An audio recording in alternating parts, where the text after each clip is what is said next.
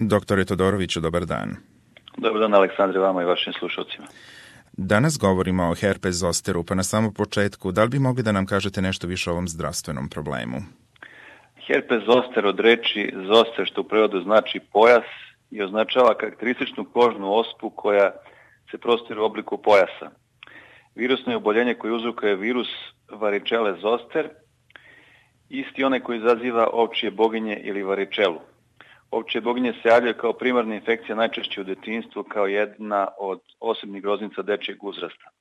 Posle preražene bolesti virus se i dalje zadržava u ganglionima spinalnih živaca u prikrivenom stanju iz koga može preći u reinfekciju koja postaje manifestna u vidu zostera, odnosno herpes zostera.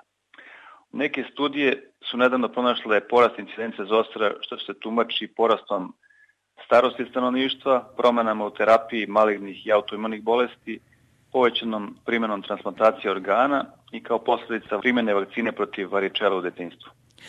A kako i zašto nastaje herpes zoster? Uzročnik herpes zoster je varičela virus koji je iz grupe herpes virusa.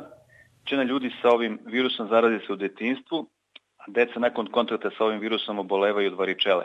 Imunski sistem organizma na kraju bolesti eliminiše virus iz većine lokacija, ali u nekim delovima tela virus ostaje prikriven u takozvanom latentnom stanju i to u spinalnim ganglijama u neposrednoj blizini kičvene moždine ili u ganglionu gaseri koji se nalazi na bazi lobanja. Reinfekcije zosterom su redke, a kod istog bolesnika se izuzetno redko javlja više od tri recidiva u toku života. Zoster se javlja samo kod ljudi koji su prebolili ovčije boginje, varičelu, ali se mogu pojaviti u bilo kom životnom dobu. Većina obolelih ima više od 50 godina. Bole se javlja obično u jednom spinalnom ganglionu. Iako je zoster varičela virus otkriven toku autopsija u nervnom tkivu, ne postoje metoda da bi se pronašao skriveni virus u ganglijama živaca kod ljudi. Osim ako je narušena funkcija imunog sistema, organizam čoveka potiskuje reaktivaciju virusa i sprečava pojavu zostera.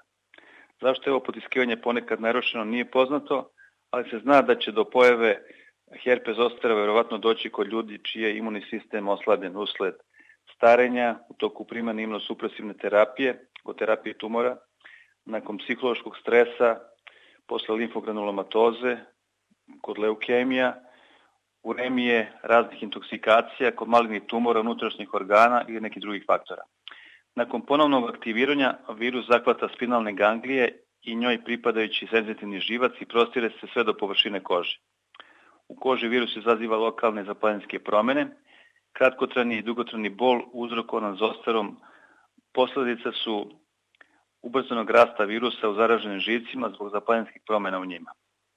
Simptomi zostera mogu se preneti na druga lica tokom faze mehurića, direktnim kontaktom sa ospom, ako ta osoba nema imunitet protiv virusa.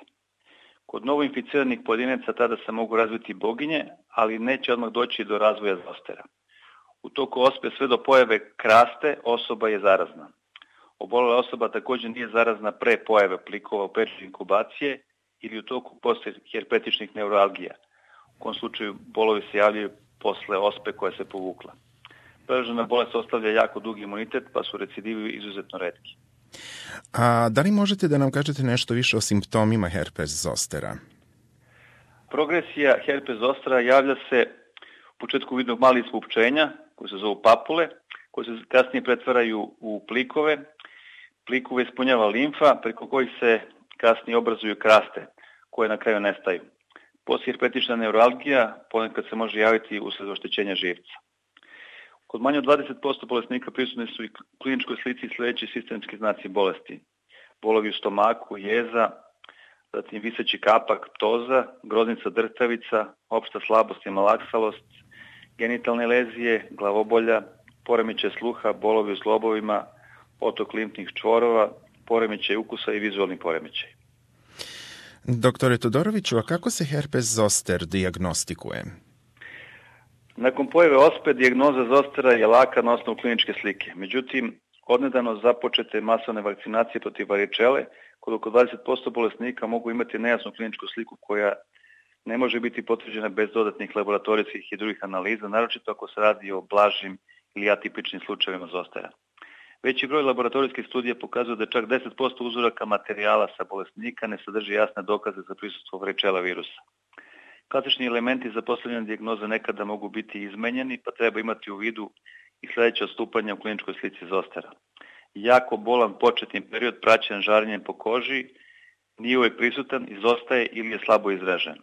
Razmeštaj promena ospa na telu odstupa običajnog, odsustvo grupisanja mehurića, u nekim slučajevima pojavit se samo papule, anamnetički podaci koji nisu karakteristični za zoster. Dijagnoza zostera može biti nejasna kod zosteriformnog herpesa i kontaktnog dermatitisa, posebno dermatitisa nastalog u dodiru sa nekim otrovnim biljkama. Atipična manifestacija zostera može se ispoljiti i kod imunokompromitovanih bolesnika ili kad su promene produženog trajanja ili kada promene organizma obolelog uključuju veći broj dermatoma ili lezije koje se pojavljuju liče na hronične kraste, bradavice ili čvoriće. Kod svih atipičnih lezija u bolesnika kod kojih je narušen imunni sistem, a dijagnoza nejasna, diagnostičke laboratorijske analize pomažu u dijagnozi. Tu se primenjuje se imunohistohemijska analiza uzoraka, sasugane kože sa mesta promena i kultura virusa. A kako se leči zoster? A lečenje zostere po pravilu se sprovodi u zdravstvenim ustanovama uz primjenu sledećih mera. Lečenje se sprovodi primjenom antivirusnih lekova kao što su femciklovir, valaciklovir, aciklovir. Lečenje se započinje unutar 3 dana od pojave vezikula.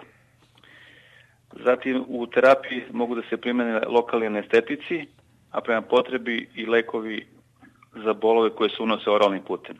Dobre rezultate daje primjena vitamina B grupe, naročito vitamin B12, koji se daje u većim dozama, dok se primjena kortikosteroida ne preporučuje. Kod težih slučajeva primenjuju se i gama globulini. Doktore Todoroviću, hvala vam puno na ovim informacijama.